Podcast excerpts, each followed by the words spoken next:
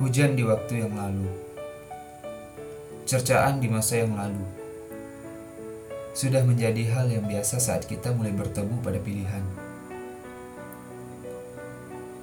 Ketika kita mulai terbiasa akan hal-hal yang mencoba menggoyahkan akar yang sudah tumbuh,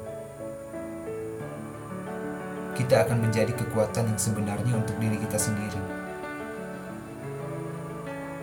Sudah terbiasa bertemu dengan berbagai macam situasi dan mulai mampu untuk melampaui setiap penghalangnya. Kebebasan untuk menentukan arah dari definisi yang memenjarakan.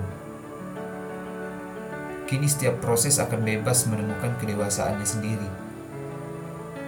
Tak lagi bergelut dengan keraguan yang menghalangi menuju suatu pertemuan. Waktu memang tak pernah memberitahu kapan akan bertemu dengan mimpi. Namun bukan berarti ia tak pernah sampai pada titik itu. Waktu akan menjadi jawaban ketika proses mulai berjalan dengan baik. Sama halnya saat hujan yang sedang berproses menjadi pelangi setelahnya. Masa itu akan datang saat rumah yang sedang dibangun benar-benar siap untuk menampung setiap mimpi yang Terjun ke dunia yang tak peduli dengan apa yang kita perbuat.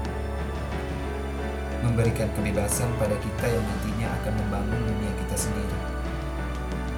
Hingga pada saatnya tiba untuk tetap menjadi manusia berguna untuk diri sendiri